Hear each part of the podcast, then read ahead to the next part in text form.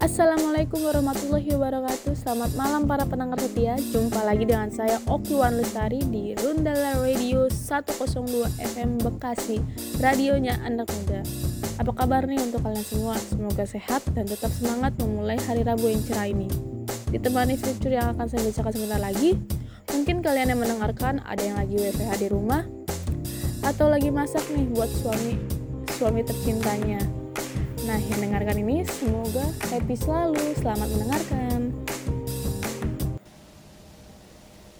Seperti yang telah kita ketahui, pandemi COVID-19 sudah melanda tanah air lebih dari 500 hari sejak pertama kali diumumkan masuk ke Indonesia pada 2 Maret 2020.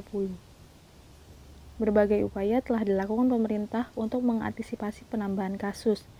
Salah satunya dengan program vaksinisasi nasional yang dimulai sejak 13 Januari 2021 namun, harus diakui bahwa masih banyak pro dan kontra atau perbedaan persepsi di masyarakat. Banyaknya masyarakat yang khawatir akan efektivitas dan efek samping dari vaksin tersebut lantaran kesimpang siuran pemberitaan yang beredar di media sosial akan vaksinisasi. Jafran, salah satu masyarakat yang bekerja sebagai karyawan swasta di daerah Jakarta Pusat memberikan tanggapannya mengenai vaksin yang diselenggarakan oleh pemerintah. Hmm, tanggapan saya sendiri mengenai vaksin yang diselenggarain di oleh pemerintah itu menurut saya bagus-bagus saja. Ya, itu mungkin upaya pemerintah untuk pencegahan uh, eh, COVID-19 di Indonesia kali ya. Uh, cukup oke, cuman menurut saya di tahap ini uh, pemerintah masih belum terlalu gencar banget.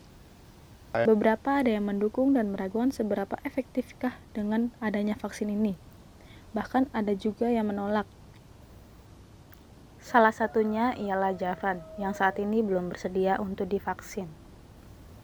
Mau ikutan vaksin atau enggak, kayaknya masih belum dulu deh, karena uh, dari saya sendiri sih uh, masih harus riset-riset sih sebenarnya vaksin mana yang baik untuk digunakan di Indonesia, karena menurut saya uh, terlalu banyak vaksin-vaksin yang dibuat oleh negara-negara lain gitu dan walaupun memang dari segala dari dari uh, baik dari kriteria atau atau dari fungsinya sendiri pun memang terlalu banyak gitu baik dari uh, Pfizer, Sinovac, Sinopharm, terus uh, AstraZeneca ataupun lainnya. Jadi itu yang membuat saya sendiri masih belum pengen ikutan vaksin.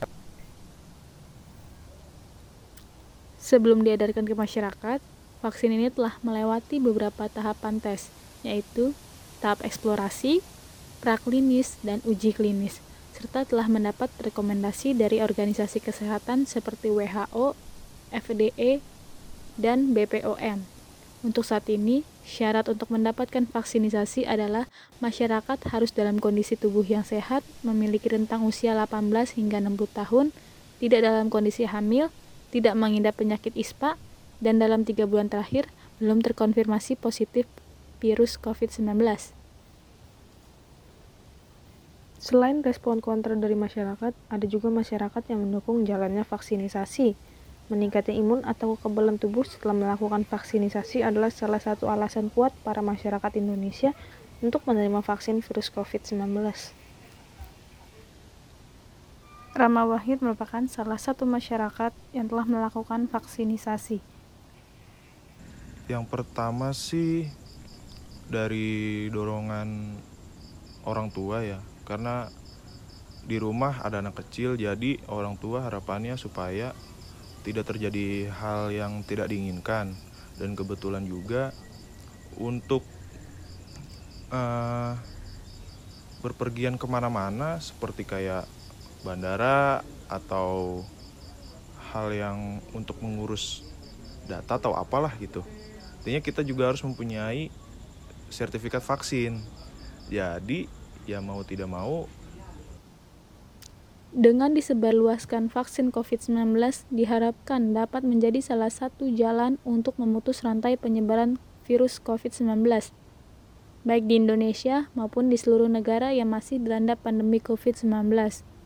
Meskipun terdapat beberapa sumber yang menyebutkan butuh waktu 10 tahun bagi Indonesia untuk lepas dari pandemi COVID-19. Semoga masyarakat Indonesia dapat lebih awas dalam menjalankan protokol kesehatan dan dapat memilah berita dari sumber terpercaya agar dapat mematahkan argumen tersebut. Belum terlalu gencar banget. Beberapa ada yang mendukung dan meragukan seberapa efektifkah dengan adanya vaksin ini. Bahkan ada juga yang menolak. Salah satunya ialah Jafran, yang saat ini belum bersedia untuk divaksin. Mau ikutan vaksin atau enggak, kayaknya masih belum dulu deh, karena uh, dari saya sendiri sih uh, masih harus riset-riset sih sebenarnya vaksin mana yang baik untuk digunakan di Indonesia. Karena menurut saya uh, terlalu banyak vaksin-vaksin yang dibuat oleh negara-negara lain gitu. Dan walaupun memang dari segala dari dari uh, baik dari kriteria atau atau dari fungsinya sendiri pun memang terlalu banyak gitu baik dari uh, Pfizer, Sinovac, Sinopharm, terus uh, AstraZeneca ataupun lainnya. Jadi itu yang membuat saya sendiri masih belum pengen ikutan vaksin. Sebelum diedarkan ke masyarakat, vaksin ini telah melewati beberapa tahapan tes, yaitu tahap eksplorasi, praklinis, dan uji klinis, serta telah mendapat rekomendasi dari organisasi kesehatan seperti WHO, FDA, dan BPOM. Untuk saat ini, syarat untuk mendapatkan vaksinisasi adalah masyarakat harus dalam kondisi tubuh yang sehat, memiliki rentang usia 18 hingga 60 tahun, tidak dalam kondisi hamil, tidak mengidap penyakit ISPA, dan dalam tiga bulan terakhir belum terkonfirmasi positif virus COVID-19. Selain respon kontra dari masyarakat, ada juga masyarakat yang mendukung jalannya vaksinisasi. Meningkatnya imun atau kekebalan tubuh setelah melakukan vaksinisasi adalah salah satu alasan kuat para masyarakat Indonesia untuk menerima vaksin virus COVID-19. Rama Wahid merupakan salah satu masyarakat yang telah melakukan vaksinisasi. Yang pertama sih dari dorongan orang tua ya, karena di rumah ada anak kecil jadi orang tua harapannya supaya tidak terjadi hal yang tidak diinginkan. Dan kebetulan juga untuk uh, berpergian ke mana-mana seperti kayak bandara atau hal yang untuk mengurus data atau apalah gitu. Intinya kita juga harus mempunyai sertifikat vaksin. Jadi ya mau tidak mau dengan disebarluaskan vaksin COVID-19 diharapkan dapat menjadi salah satu jalan untuk memutus rantai penyebaran virus COVID-19, baik di Indonesia maupun di seluruh negara yang masih dilanda pandemi COVID-19. Meskipun terdapat beberapa sumber yang menyebutkan butuh waktu 10 tahun bagi Indonesia untuk lepas dari pandemi COVID-19.